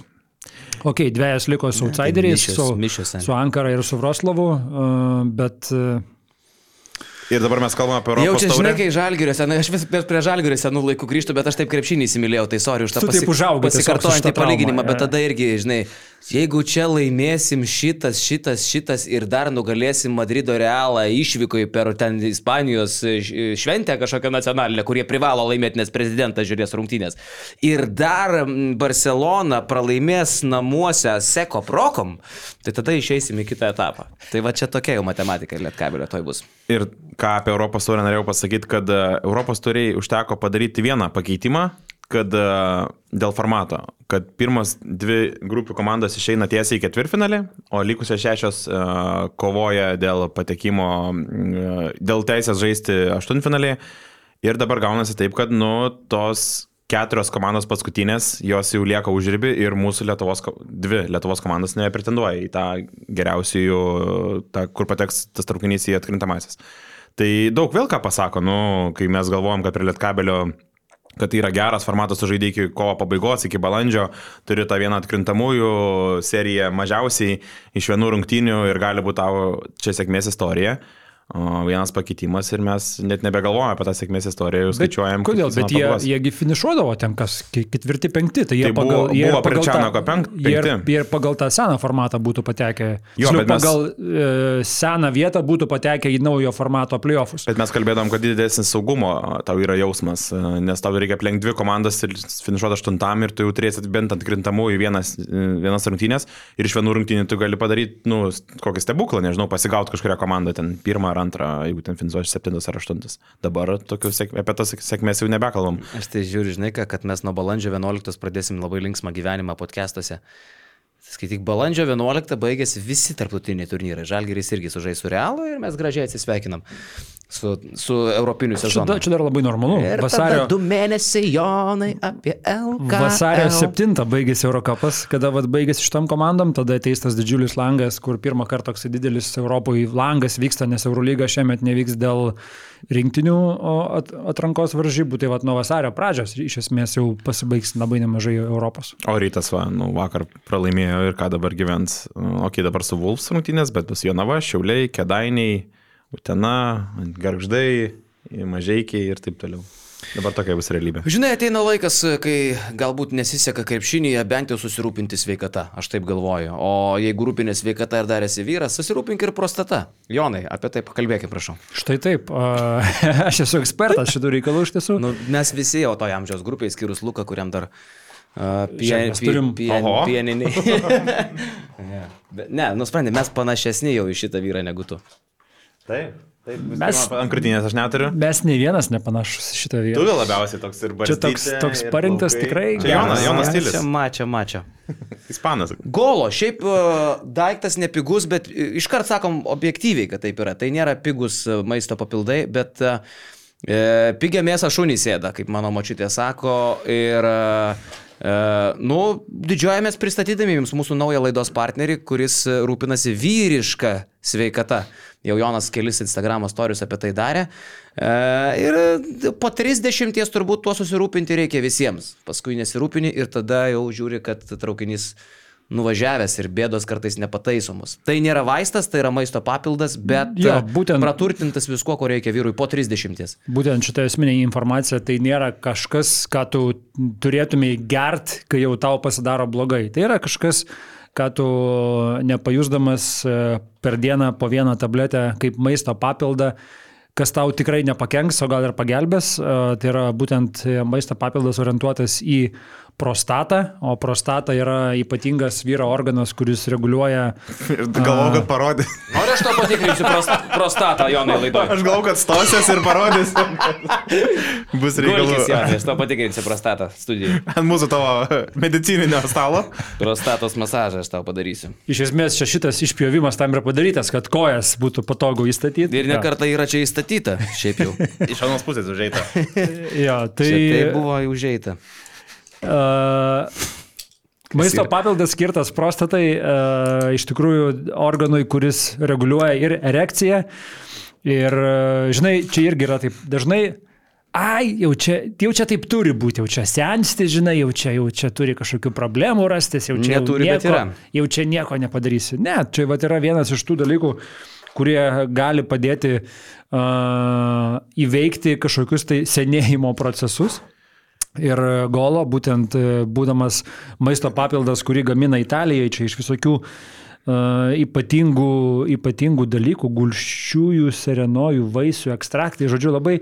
Kvercetinas, reikalai. liporūkštis, beta-sitosterolis, jeigu kažkas supranta, kas tai yra. Jo, ir visa tai yra suspausta į tabletėlę, kurią vieną kartą per mėnesį, čia yra 30 tablečių, vieną kartą per dieną, čia yra 30 tablečių, reiškia šito pakiuko užtenka mėnesiui. Kiekvieną dieną tiesiog prie maisto ar bet kada dieną su vandenėliu ir tiek žinių. Tas yra stereotipas, kaip tu sakai, Jonai, kad su amžiumi jau turi būti ir tos rimtos problemos, nes tavo jau, tas, ne, tu vyresnis tapai ir ateina tau tos rimtesnės problemos. Bet e, kažkaip praignoruoja faktą, kad ir mokslas eina į priekį, kad mokslas irgi e, deda žingsnius ir aiškinasi dalykus ir jau atranda vaistus. Tai tų problemų nereikia primti kaip savaime e, suprantamų ar savalaikių. Tai yra dalykai, kuriuos tu gali išspręsti. Ir Jeigu anksčiau turėjai-. Jeigu anksčiau turėjai va eiti į laukus, ten skin žolelės, čia kaip babulė sakė, kad čia šito, o čia va žolelės yra suspaustos visos į tabletytę ir tiek. Bet aš žinok, vat, tiesą sakant, aš nesu labai išprūsęs tais klausimais. Aš tikrai nežinau, kad stajakas, erekcija elementariai, ne, kad jinai gali būti susijusi su padidėjusia prostata, nes, pavyzdžiui, kaip ir čia rašo mūsų tam aprašymė, žinai, visą laiką galvoju, amžius, rūkimas, ten e, cholesterolis, stresas, va čia, žinai, nu būna ten, esi prastos nuotaikos, nu ne taip gerai, ne viskas dirba, nu būna. Pavargai, prasta nuotaika, ne. Kita kartą po 30 žiūrim paprastai, ką rašo mokslininkai, tai yra padidėjusios prostatos irgi vienas iš atributų, tai yra erekcijos sutrikimai. Taip, kad vyrukai varom golo po tabletę per dieną ir, ir, ir, ir, ir rūpinamės sveikata ir prostata. Bet kas smagiausia yra, kad šitus maisto papildus golo jūs galite įsigyti ne tik tai e, elektroninėse vaistinėse, ar tik vaistinėse elektroninėse gali? E, Ne, gali, fiziškai gali, turbūt gali, ne? Ir fizinėse vaistinėse, bet elektroninėse turbūt yra patogiau. Elektroninės tai Eurovaistinė LT, Pink Pharma LT, mano vaistinė LT, Kamelija LT ir Gintarinė LT. Bet mes esam tiesiog puslapis, portalas, įmonė, kuri dosniai dovanoja šitus uh, papildus žmonėms. Kaip jūs dabar laimėsit? Trims komentatoriams po šitų podcastų mes dovanojam po e, dėžutę golą, brangę e, maisto papildų dėžutę, vertingą e, prizą. Ir ką jūs turit pakomentuoti? Va dabar net galvoju, mes turėjom paskutinį konkursą, kur pralašinėm žiauriai vertingą prizą. Ten žmonės dalinosi, kokie buvo patys įspūdingiausi jų įvykiai per 2023-uosius. Štai tokių prisiskaičiau, neįtikėtina. Vienas populiaresnių buvo mano uh, pokalbis apie Dreymondą Greeną, mačiau. Žm- bet Smagu, aiškiai, mano šitas buvo kai kam net svarbiau ten už Lietuvą, Serbiją, Lietuvą, Latviją, įsivaizduoji. Labai dažnai pak- pakeliamas šitas savo klausimas, ypatingai dabar, kai Reimondas turi rimtų problemų. Taip, senas rasistas aš esu. um, Žiūrėk, o dabar vis tiek metų pradžia, dabar galim pažvelgti šiuos metus ir e, parašykit šių metų krepšinio lūkestį. Vat ko, ko tikitės šiais Bravo. metais? Ar tikitės, ar tikitės rinktinės medalio olimpinėse žaidynėse, ar tikitės buzelio pirmo šaukimo NBA biržai, ar e, Tikitės, kad valdžia pasikeis. kad valdžia galų galia pasikeis. Celofanas ės 15 metų pagaliau už Irgi tai, ką jis daro. Neapsiribokit tik krepšiniu gal. Jo, neapsiribokit. Iš tiesų, ja, lūkė, jūsų lūkestis šie, šiems metams. To pati prostata. Va, pagerės, viskas sveika, gerai veiks, Ar ne? Taip. Uh, nerašykit tik tai, kad Žalgeris patektų į to paštuntuką, nes už šitus klėdėsius mes baninam, taip? Iš, iš, ar ne? Taip. Jūs tada mums perkat golą, at jeigu rašysit tai. Tai va, ir trims komentatoriams e, atsitiktiniu būdu mūsų kolegės Milda, Monika ir Linutė e, išrinks ir padovanos po tris pakuotės, po- vieną pakuotę golo. Ir jūsų šeima va bus irgi šitaip. Taip. Šilta, gera, uh, jauku. Čia tu man golą įmušiai. Ką tu galvoji? Tai va. A, kur mes apsistojom? A, mes apsistojom. Gal dar ties C9 dabar galima, ne? Sedevita, ar čia yra apie ką aš nežinau? Minimaliai tik tai vienas komentaras. Sveikinimai Vilkam, vis tik tai dvi pergalės iš eilės, prieš nevėžį, prieš C9, bet to pačiu reikia žiūrėti situaciją ir realiai. Nu, ne prieš nevėžį Vilkai nori laimėti šį sezoną, ne? Ir nes su tokiu biudžetu džiaugtis pergalę prieš nevėžį. Ir C9, nu, dėl Dievo meilės, tai yra komanda, kuri pralaimėjo visas 14 rungtynių, turi 0 pergalių savo sąskaitai, tai objektyviai žiūrint, nu, išsigelbėjo Wolves prieš C9, pagarba, viskas ok, be Suleimano tai padaryti turbūt būtų buvę neįmanoma, nes jis vėl galės mėgė tritaškį per rankas, vėl sudėtingas prasiveržimas, du taškai iš pokašės per paskutinę minutę, penki sunkus taškai ir taip ištraukė pergalę, pagarba, bet tai nėra išlipimas iš dobės. E, prieš tai buvo devynių pralaimėjimų serija, be abejo, kad gerai laimėtas rungtynės prieš Nevežį, prieš C9, bet objektyviai žiūrint, ar Wolves dar šį sezoną kažką gali, nu mes ne čia, ne čia galim spręsti, nes čia, čia šudini varžovai, nu objektyviai žiūrim, prieš Wolves. Ir iš vis mes kalbėjom, kokia dabar realybė ir tarkim ryto, ne, koncentruotis tik tai vietinį frontą, tai rytas dar, sakykime, turi šansų ir galimai išeis į KMT ketveriukę. Vulsų dabar realybė yra tik tai LKL ir atkrintamosios. KMT ketvirtfinalius su Žalgeriu, sakykime, čia jau viskas taškas, Europos turėjai taškas. Ta sudėtis neparodė savo potencialo arba nesuveikė taip, kaip planuota Europos turėjai. Tai čia reikia sprendimų. Pirmas sprendimas Adas. Pagaliau galima sakyti, kad įsisprendė šitą situaciją, kuri nuo pat sezono pradžios nevedė į niekur. Ta įtampa tarp tų pusių visų buvo nuo pat sezono pradžios. Bet žinai, išsisprendė tiesiog, kad jis buvo skirtas nuo komandos. Gal, galop kažkoks, kažkoks, kažkoks progresas yra, nu, tai žaidėjai reikia daryti e, kažkokį sprendimą, ieškoti kitos komandos. Ne, 35 metai nesiniai jubiliejus buvo Ado, ta karjera irgi į pabaigą ir uh, norisi žaisti, o kai tai buvo Eltas, jo ten žaidžia vienos rungtynėse 3 minutės, kitose 20, paskui vėl. Adui 35 jau? Jo. Uh, jo, sausio pradžioje, Maros kaip leizė tą pačią. Ir, ir, ir, ir amžiaus jubiliejai berneliuose švenčiami yra. Jau kur. Jisai sportuoja dar, ne, tai negali. Tai tokio amžiaus jau dailų į čiažimą reikia žiūrėti. Taip. Su, su vaikais, su, su giminėm, bet esmė kame, kad uh, ta situacija nevedė niekur ir kaip buvo elgtas ten su Adu, matėsi ir iš šono, kad nu, įtampa didžiulė, žaidžia vienos rungtynėse 13, paskui nusadina iki 2 minučių, nepakelia nuo suolo. Nu, tai buvo prieita prie tokios situacijos, kuri, nu, galop sprogo. Ir šitoj sudėtyje manau, kad bus daugiau e, ėjimų, nes e, jeigu nori galvoti apie LKL finalą, ir iki kurio, sakykime, liko, žiūrint taip kalendoriškai, maždaug penki mėnesiai, pusmetis, tai reikėtų sprendimų didesnių, nes kiti du turnyrai tai jau pasibaigė. Sakykime. Jo, o dabar žiūriu, taip, Vulvos lošia kitą savaitę su Slabožanskė. E, tai e, išvyko į rungtynės. Čia yra privaloma Latvijoje, ne? Čia yra privaloma laimėti jo, nes jeigu dar nori vat, apie kažkokius tai teorinius šansus svajot, kad e, žengtų toliau, nes pirmą dvikovą Vilnių laimėjo Vulsai. Taip kad e, čia yra tos rungtynės, kuriuose dar gali pagauti tą playoffų traukinį. Ir e, Prometėjus dabar taip, e, iš paskutinių rezultatų, tai bum bum bum, užmečiau akį. Nu ką, Paryžius sudraskė dabar juos šią savaitę irgi gavo Prometėjus žiauriai 21 taškų. Bet Paryžius, bet Paryžius yra Paryžius. Nu, o prieš tai, ką, su C9 irgi tampėsi 105-100, matau, laimėjo Prometėjus, su Lionsais tampėsi iki galo vienu tašku gavo, be šiktažą iš Tarabanino 20 taškų. Nu, dar kokie sinonimai bus. E, Ištrat... Ištratatulino. Towers. Prieš Towers laimėjo 14. E, nu, va tokia jau rimtesnė komandėlė. Tai... 7-7, rezultatas toks, kur, ant, ant kurio taikosi ir Wolves, tai kaip tu sakai, žinai, jeigu jau jiems tada per laimi, tada taškas, jeigu laimi, nu gal dar. Nežiūriu, Wolves keturias, keturias rungtynės liko, trejas iš jų išvyko ir tik laimėjo prieš Prometėjų nuo Hamburgo, dabar žiūriu su Hamburgu, irgi laimėjo ant 13, tai nuo Venecijos pralaimėjo ir Londono irgi neturėjo šansų namie. Tai situacija, nu, aš sakyčiau, kad čia pabaiga. Mišė. Mišė, mišė. Mišė tai yra. Taip. Sakinėt, kaip sakai, Bernelį užžygo jau tos uh, pietus. Jo. Tarp kitko, e, Žalgirio fanam dabar galvoja visai fainą savaitę, ne? Turbūt dalis pasėmė atostogas, ypatingai ten, kas kripto užsiminėja, e, neturi tokios pastovios darbo. Šaltoji, šaltoji sezona dažnai tie žmonės užėlos Tailandas, jo. Ispanija, Kambodža. Lietuvoje niekas neregistruota.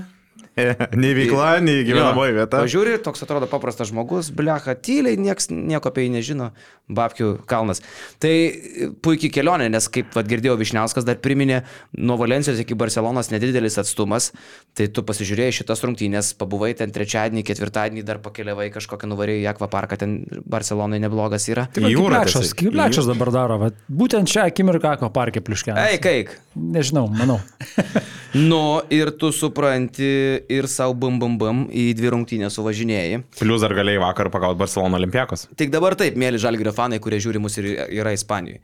Vėl įdomu, kaip jūs, vat, čia darbus dalykas. Parašykit e, mums tik, ne, nu galite ir asmeniškai rašyti. Kaip jūs patenkate į Palau Blaugraną? Vat man įdomu. Kokiais keliais, ką ten užsidedat barso šaliką, apsimetat fanų, pasidirbat pasą, nes visokių ten bairių, su lietuviškais pasais ten neįleidžia, ne? Ar ten nuperka draugelis ispanas, jo nuotraukais nufirinat, įsidedat. Nors vakar olimpijos fanų kažkaip nufirinat. buvo. Bet vėl, nu, palubėse, Kažkaip palubėse palu- nugristi. palubėse, Bet jie girdėjosi gerai. Jo, nu tai Jo. jo. Graikų gerklytės, žinot. Bet kodėl jų neišvaro, pavyzdžiui, nes žalgerio fanus, man atrodo, jeigu pradėdavo reikštis, tai išvarydavo iš Blaugrano. visokių situacijų yra buvę. Bet šiaip čia yra tas vat, dalykas, kuris kažkiek nuvylė iš e, Paulius Paulius. Maitijūno intervo Do- Donsai.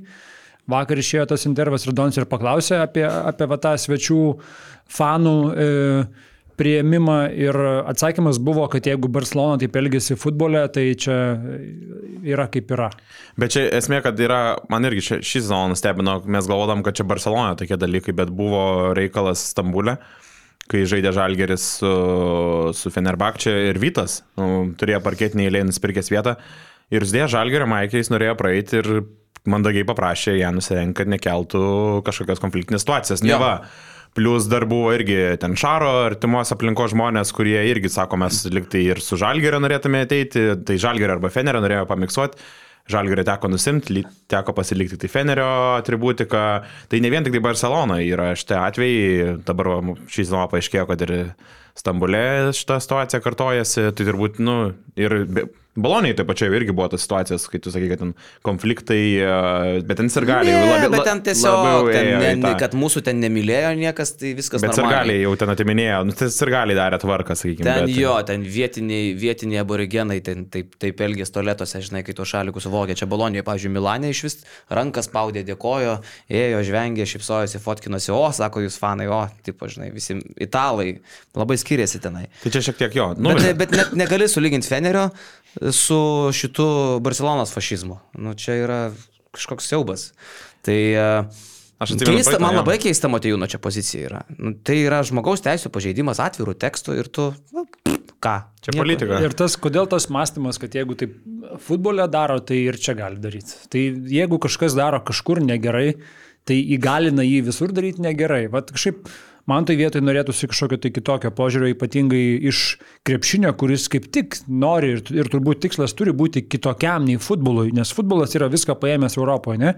Kaip krepšinis, tu kaip tik turi būti ir lankstesnis, ir atviresnis, ir, ir netoksai griežtas ten visokiais klausimais nuo kažkokių tai video dalykų iki vat, fanų elgesio, iki, iki transliacijų. Tu turi būti kitoks nei futbolas.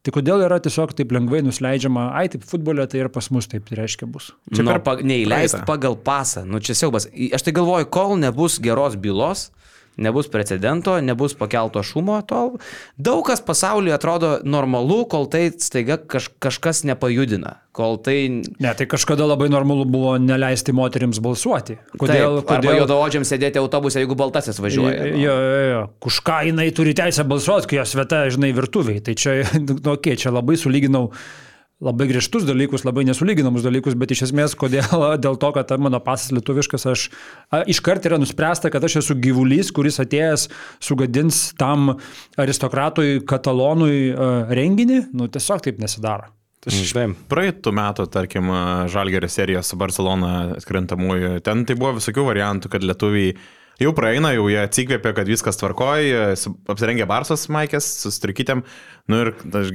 ten vaikščiodavau ir girdėdavau tas kalbas, pasikalbėdavau ir pats. Tai sako, nu ką, praėjom, atsikvėpėm, einam į tualetą persirengti. Persirengė jie, mhm. uh, smauna žalę, strikytę, eina į savo vietą ir tada tik tai į- atsiveria.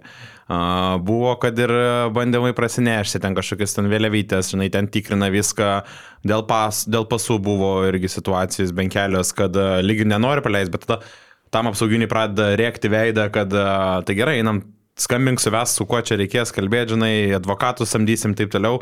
Buvo dar kelias situacijos, kad jau prieš rungtynės ten buvo bent keli žmonės nusipirkę parketiniai vietoj e, savo biletą.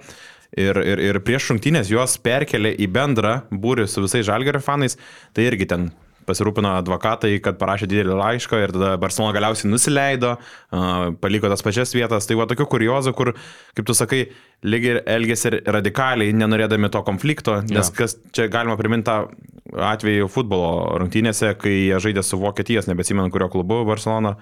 Ir per klubo narystės žmonės išpardavė bilietų dalį e, vokiečiams ir uh, Barcelona namie jautėsi kaip išvykoje, nes tie Vokietijos ir galiai išdarnėjo beleką, kėlė didžiulį triukšmą, nušvilpinėjo komandą ir nuo to laiko Barcelona priėmė tokį radikalų sprendimą tiek futbole, tiek klube pritaikai. Tiesiog nes, nu, nesivelia į tą lankstumą ir nesinori, nežinau, net žniaužti viską ir neturėti jokių, jokių problemų, o ne jas spręsti. Nu, žodžiu, sakau, labai įdomu, tikrai yra lietuvių Ispanijoje, tai parašykit kaip ten jums sekasi, kokius bairius darot, su kokia situacija susidurėt. Reikia karšt kailį, tai barsai po truputį reikia kelti šitą garsiau, jeigu Pauliui nesigauna, padarysim tai mes tada ir turim tam basketinius komą. E, kaip šiaip Paulius intervas, aš dalį pasižiūrėjau, dar nespėjau, Donsės naujausias darbas, vad kas nematėt basketiniuose, būtinai pažiūrėkit. Pradžia man taip visai suintrigavo, man patiko jo komentaras apie Zviesdos e, palaikymą. E, parodė Donatas Pauliui Matejūnui ištrauką iš Sviesdos ir Partizano rungtynių pradžios, tiksliau paties pristatymo, kuomet šokinėja visą areną, ten 20-18 tūkstančių žmonių žmonės. Virš 20. Voreva, neįsivaizduoju, ten nesuskaičiuoja, man liustrų žmonės kabo. Ir Paulius sako, nu, sako, kaip Eurolygos CEO galiu pasakyti, kad pirmiausiai matau čia labai daug pažeidimų. tai toksai, bet sako, kaip sirgalius galiu pasakyti, kad tai yra neįtikėtina. Nu ir toks, vat, man, žinai, retai kada užkabina ausį, ką šneka Matijūnas, bet čia patiko. Ja, bet tai buvo vis tiek pokalbis ir atsakymai, kurie ypatingai neigiamai buvo Serbijoje priimti, kur vėl Serbijos klubai negavo, žinai, jokio užtikrinimo dėl ateities. Mes žinom, kad ir Zvezda, ir Partizanas e, neturi ilgalaikių licenzijų, jie neturi realiai ir balso teisės Eurolygoje, jie to labai norėtų, bet e, jie nei vienas nežino, ar kitais metais jie čia žais.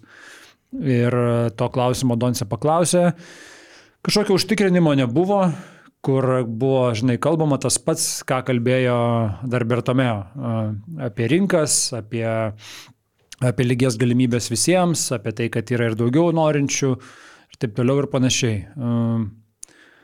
Aš kažkiek serbus šitoje vietoje suprasčiau. Kodėl? Nes man tai irgi šitą vietą įstrigo, nes, pavyzdžiui, va, toks jų kūriamas turinys ir daugiausiai yra vis tiek kalbama apie tas didžiasias komandas Serbijoje. Va tokie vaizdai, jie straukia milijonus, tarkim, ten duviusų ir panašiai. Plus tos komandos jau stabiliai pradeda rodyti rezultatą. Ir jos dar neturi tos garantijos, kad žais kiekvienais metais, nes patenka tik tai abas, aba lyga čempionai. Plus matosi tas, okei, okay, tos skolos ir tas nestabilumas dėl finansų, ką Paulius akcentuoja visą laiką, nes dažnai tie finansai, o ne dažnai, beveik visada uh, kinta nuo politikos, uh, kuri politinė jėga uh, uždominuoja ar tam tikram laikui laimi savo vietas uh, Serbijoje. Bet žiūrint į perspektyviai, tas pats Partizanas neseniai paskelbė, kad uh, turi tą 20 milijonų biudžetą, iš jų 8 milijonai, 8 milijonai skirti skolom. Tai čia atrodo kaip ir taisas ta viena iš tų situacijų, tai Paulius turbūt tikrai detaliau ir geriau žino visą tai, tuos reikalus. Ir stebint tą pastarųjų metų tendenciją, kaip serbai eina į priekį, tais pinigais ten gali kelti klausimus, iš kur ten jų tiek daug ir taip, taip toliau. Bet esmė, kad jisai tikrai geriau žino tą situaciją ir turėtų duoti kažkokį užtikrintumą bent jau tiems ir galiam ir tą viltį, kad šitos komandos, tos dvi vedančios iš sirgalių pozicijos, iš tos gausos uh, ir to kūriamo turinio, nu jie dominuoja. Ok, rezultatai gal nėra tie patys geriausi, kurie tenkintų galbūt pačią vadovybę, bet nu jiems tai reikia duoti vietą, aš net nebejoju. Dubajus kitą sezoną? Dubajus kitas klausimas, bet žinai, liek, liekant prie serbų, čia turbūt ir yra dalykas, kad uh, tu turi tada garsiai įvardinti, kad žiūrėkit, mes negalvojam, kad šitie klubai yra finansiškai stabilus. Ne? Tu gal negali įvardinti garsiai kaip Eurolygos vadovas visiškai atvirai, kad tai yra pernelyg nuo valdžios malonės priklausomi klubai, kur paskutiniu metu tas jų atsigavimas, tie biudžetai išauga visą kitą, jie yra dėl to, kad šalis labai stipriai finansuoja tuos klubus. Ir būtent tai, tai yra tam tikra pozicija valdžios, prezidento turbūt e, per krepšinį, bet duodant pinigus šitiem dviem klubom, kiek keltis savo šalies prestižą Europoje, ar ne? Tai viskas ok. Čia yra minusas, kurį šitos komandos turi ir tau kažkaip turbūt kaip vadovui, kaip lygai su tuo reikia tvarkytis, kad tą įspręst. Bet to pačiu tu turi matyti pliusus, kuriuos duoda šitos dvi komandos. Ir tikrai kiekvienos jų namų rungtynės, nu tai yra pati didžiausia įmanoma reklama Europos krepšinių. Niekas nerodo vaizdų iš Vilerbano, ar ne? Niekas nerodo vaizdų iš Müncheno. Niekas nerodo Vaizdų iš Kauno. Iš Kauno tu tu paties. Būkim, būkim bėdni. Kauno dar gali, Neteisingi, bet bėdni tiesiog. Kauną, nes- Kauną dar gali parodyti. situacija. Kauną dar gali parodyti, žinai. Jo, jo. bet vat, iš tų nieks nerodo. Tarsi tau jokios pridėtinės vertės nekuria Vilerbano Svel komanda. Jokios. Ar tau jokios vertės nekuria Partizanas ir Zvezda, aš čia labai stipriai pasiginčičiau. Plius aš dar e, apie Paulių, aš galvoju, okei, okay, tu kaip jau negali galbūt detaliai kalbėti, bet kas kitas, jei ne tu, tu gali išdėsti tą visą esamą situaciją ir, tarkim, Eurolygos poziciją. Nežinom, jeigu Eurolyga prims sprendimą, tarkim, neduoti ir toliau nesuteikti jokių garantijų, serbai pateiks tą iš savosios pusės ir iš tų emocijų. O... Ir tą jau pateikė. Jau Ir ten, jau pateikinėja, Jau ten, jau tai ten kas vakar. jai- Sorry, ką pateiks?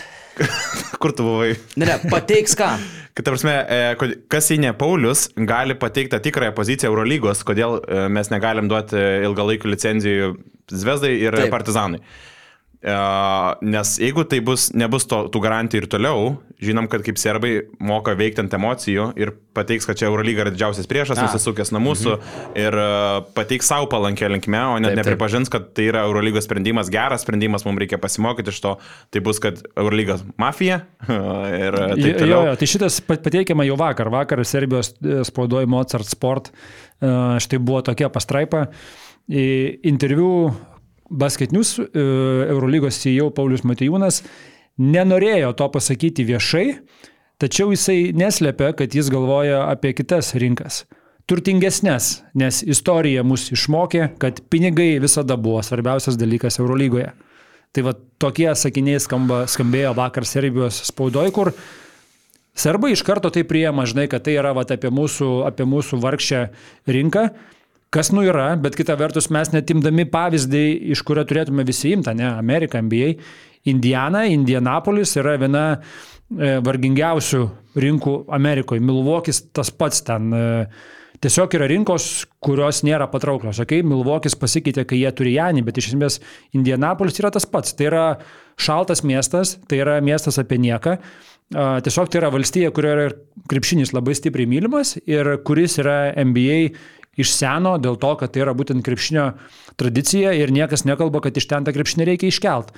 Taip ir čia, man tas toks visą laiką kalbėjimas, kad rinkos, vat, marketai, mes čia remėjai, visa kita, viskas tvarkoj, tas fokusas turi būti. Bet kodėl mes tą serbą laikom už realiai už šunį, kuris vat, gali būti kartais paspardamas, kai jis mums nepatinka. Nu jisai tas tavo šuo, jis yra matomas, jis čia yra girdimas, jisai tą krepšinį myli labiau negu didžioji dalis Europos. Tai kodėl jisai turi tokią poziciją, kokią turi? Man va šitas yra labiausiai nesuprantama. Ir sakau, bet čia ir ankstesni vadovai, ten kai bausdavo Pantnaikoso, Olimpijakoso, ten ar ne kažkas užkūrė ir visi pirmiausia mato tą deglą tribūnose. Taip, tai yra taisyklių pažeidimas, taip, to, to tu nenori. Bet tai yra tam tikra Europos krepšinio kultūros dalis. Tai yra kažkas, kas išskiria krepšinį Europoje, visame pasaulyje. Šitokie dalykai, šitokios tribūnos, tie žmonės. Ar mes norim tai nukilinti ir mes tapti antra NBA? Nu, žinant Paulius e, e, kategoriškumą, e, visišką kategoriškumą Rusijos klausimų, kas yra labai sveikintina, gal čia dar yra dalykas? Ten yra vatnikai. Ne, nemanau. yra Rusijos vėliavos. Man, man, čia, man čia nesusiję. Man Ten- čia atrodo visiškai nesusiję. Ten visada keistas finansavimas, žinai, Gazprom. Nu, bet e, kategoriškumas, žinai, yra, yra turbūt tam tikrais klausimais, bet uh, aš, aš čia nesiečiau ir aš, Nematai? ir, aš, ir, ir aš tame nematau. Plius nieko. čia ne Paulius Espresas, tai gali paduoti toną a, redaktoriau, nu jau čia. kažkuriam sprendimui. Tai kad Paulius, kad, žinai, čia Paulius, Paulius kategoriškumas gali turėti šimtaprocentinę tokią reikšmę žalgirį, galėjo turėti. Eurolygoje jis gali paduoti toną sprendimui, o nuspręstis tai tik negali, ten sprendžia klubai. Nu, pažiūrėkit, labai neblogas pokalbis anglų kalba, bet e, kalba sklandi, kalba lietuviai, viskas aišku visiems. Aš pačiai pabaigai dar pasilikau, kadangi ispaniška savaitė, lietuviai Ispanijoje, viskas Ispanijoje, Žalgiris Ispanijoje, Lietkabelis su Gran Canaria žaidžia, viskas faina. Labai trumpai apie ACB lygą. ACB lygoje įpusėja reguliarusis sezonas. Ispanijos čempionatas 17 rungtinių jau yra sužaista ir tai yra lyga, kurioje rungtyniauja daugiausiai lietuvių krepšininkų iš visų kitų pasaulio lygų be LKL. -o. Net devyni Lietuvo žaidėjai žaidžia ACB, dar keli e, gal net panašus ar didesnis skaičius žaidžia antroje lygoje. Žodžiu, labai mėgstama vieta. Ir e, man buvo įdomu, nes aš atsimenu, aš sezono pradžioje kalbėjau po pirmų kelių rungtinių apie tai, kad e, Matas Jogėla blizga tenai, kad tuo metu tai buvo geriausias e, lietuvis Ispanijoje pagal statistiką ir atrodė, kad wow, kontraktas Eurolygoje bus užsidirbtas, jeigu toliau. Tai buvo įdomu pažiūrėti, kaip jiems sekasi dabar ir kas yra lietuviai dominuojantis, karaliaujantis Ispanijos lygoje. Ir žinokit, aš esu šokiruotas. Klaikiai atrodo lietuviai Ispanijoje. Šiaip jau. Jeigu ne Tadas Sedekerskis, tai sakyčiau, kad uh, liūdėsys visiškas. Kad tiesiog juos reiktų išgrūsti, kaip išgrūdo lietuvius iš Blaugranos? Uh, kažkas, nežinau, kas yra nutikę, bet tarkim, lietuvių devyni žaidžia, keturi iš jų yra centrai. Visi keturi centrai mums gerai pažįstami, žaidė LKL. E. Blaževičius, Gebenas, Sajus ir Kairys. Keturi centrai. Bet tikrai tokie LKL mastai solidus lietuviukai būtų bet kokiam normaliam klubui nuo šeštos vietos, ne? Nu, dar, dar... Iki trečios. Nu, nu, taip imčiau. Nors kas ten žino, gal reikia antros. Tai pavyzdžiui, Marekas Blaževičius, 22 metai bičio, nežaidžia Obradoirė, vienas iš outsiderių. Šešios pergalės, 11 pralaimėjimų, 14-15 vieta lygoje Obradoiro. Marekas lošia tik po 12 minučių, renka po 6 taškelius, po 3 atkovotus kamuolius. Tai kaip per tiek laiko normaliai? Nu, bet kai tiek laiko tik te gauna, tai man biškelių desys, norėtųsi, kad pažaistų daugiau. Nu, bet sakykime, bet tai nu, ne, ne katastrofa yra.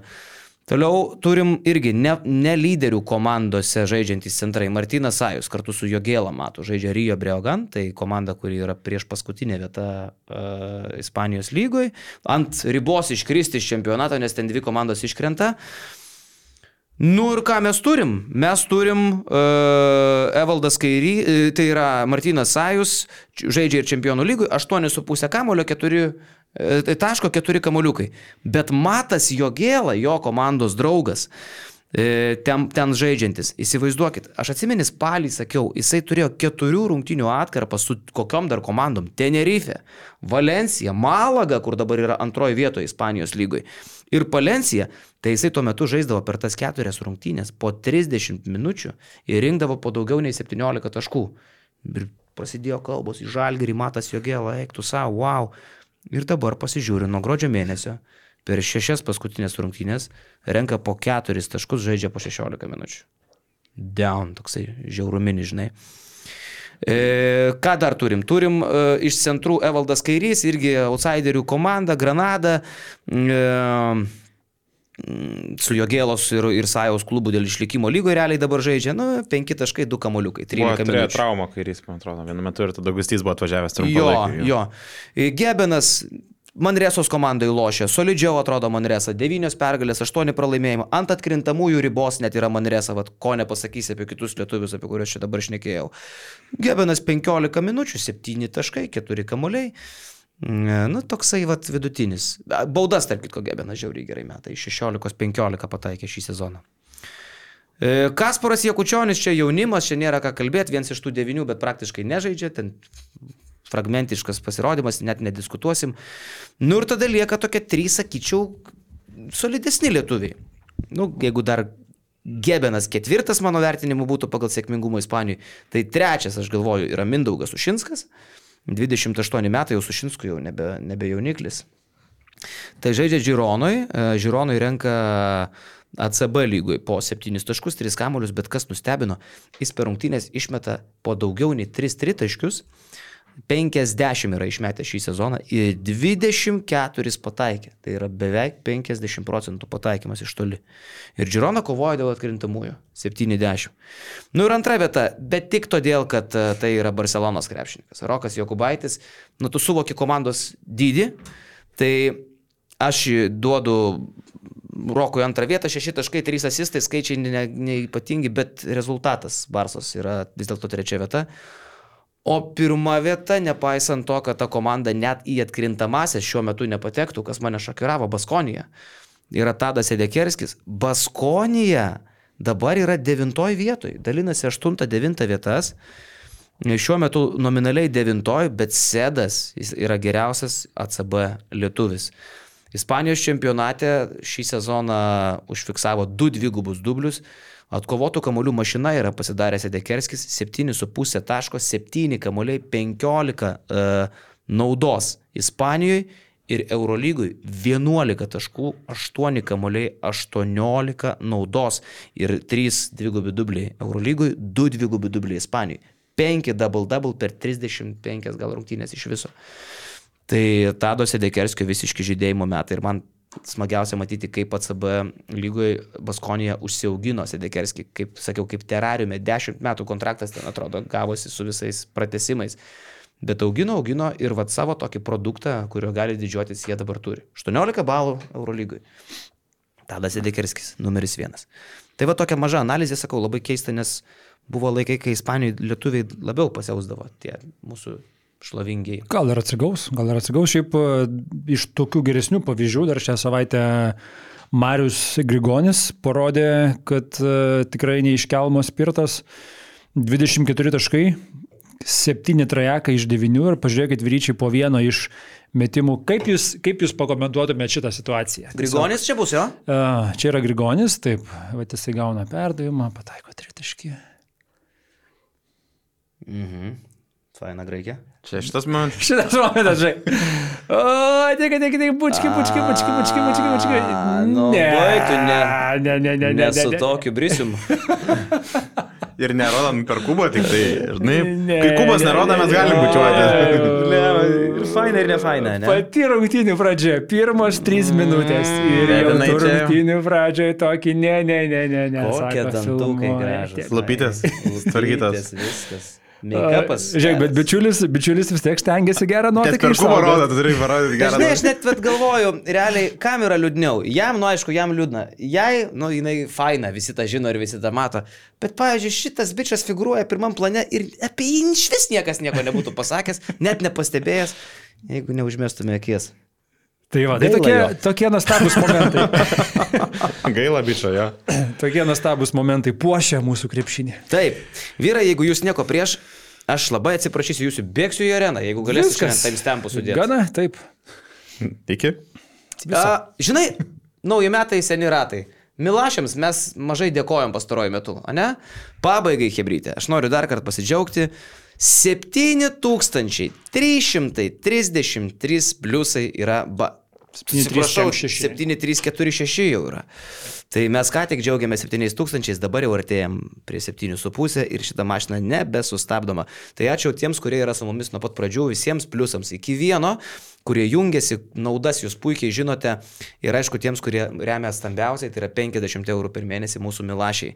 Tai senas geras Milašius, Marius Milaševičius iš UAB Mačiūnų, Marius UAB Isolita, Ratkaus klinika, Aksa su plūkais prieš akį, Rolkis Rolės transportas, Justinas Bakas, Milė Butik LT, išskirtinės dovanos, Mad Market stalo žaidimas, National Pintographic, Evaldas iš UAB Ameritus, nauja sąskaita LT sąskaitų kūrimas, Gedrius Grigalius, kuris nesireklamuoja, jis tiesiog yra Gedrius Grigalius, E-Tortas ir Marius iš Tepalų bazės LT. Ačiū mūsų didiesiems milašiams, remėjams, pliusams.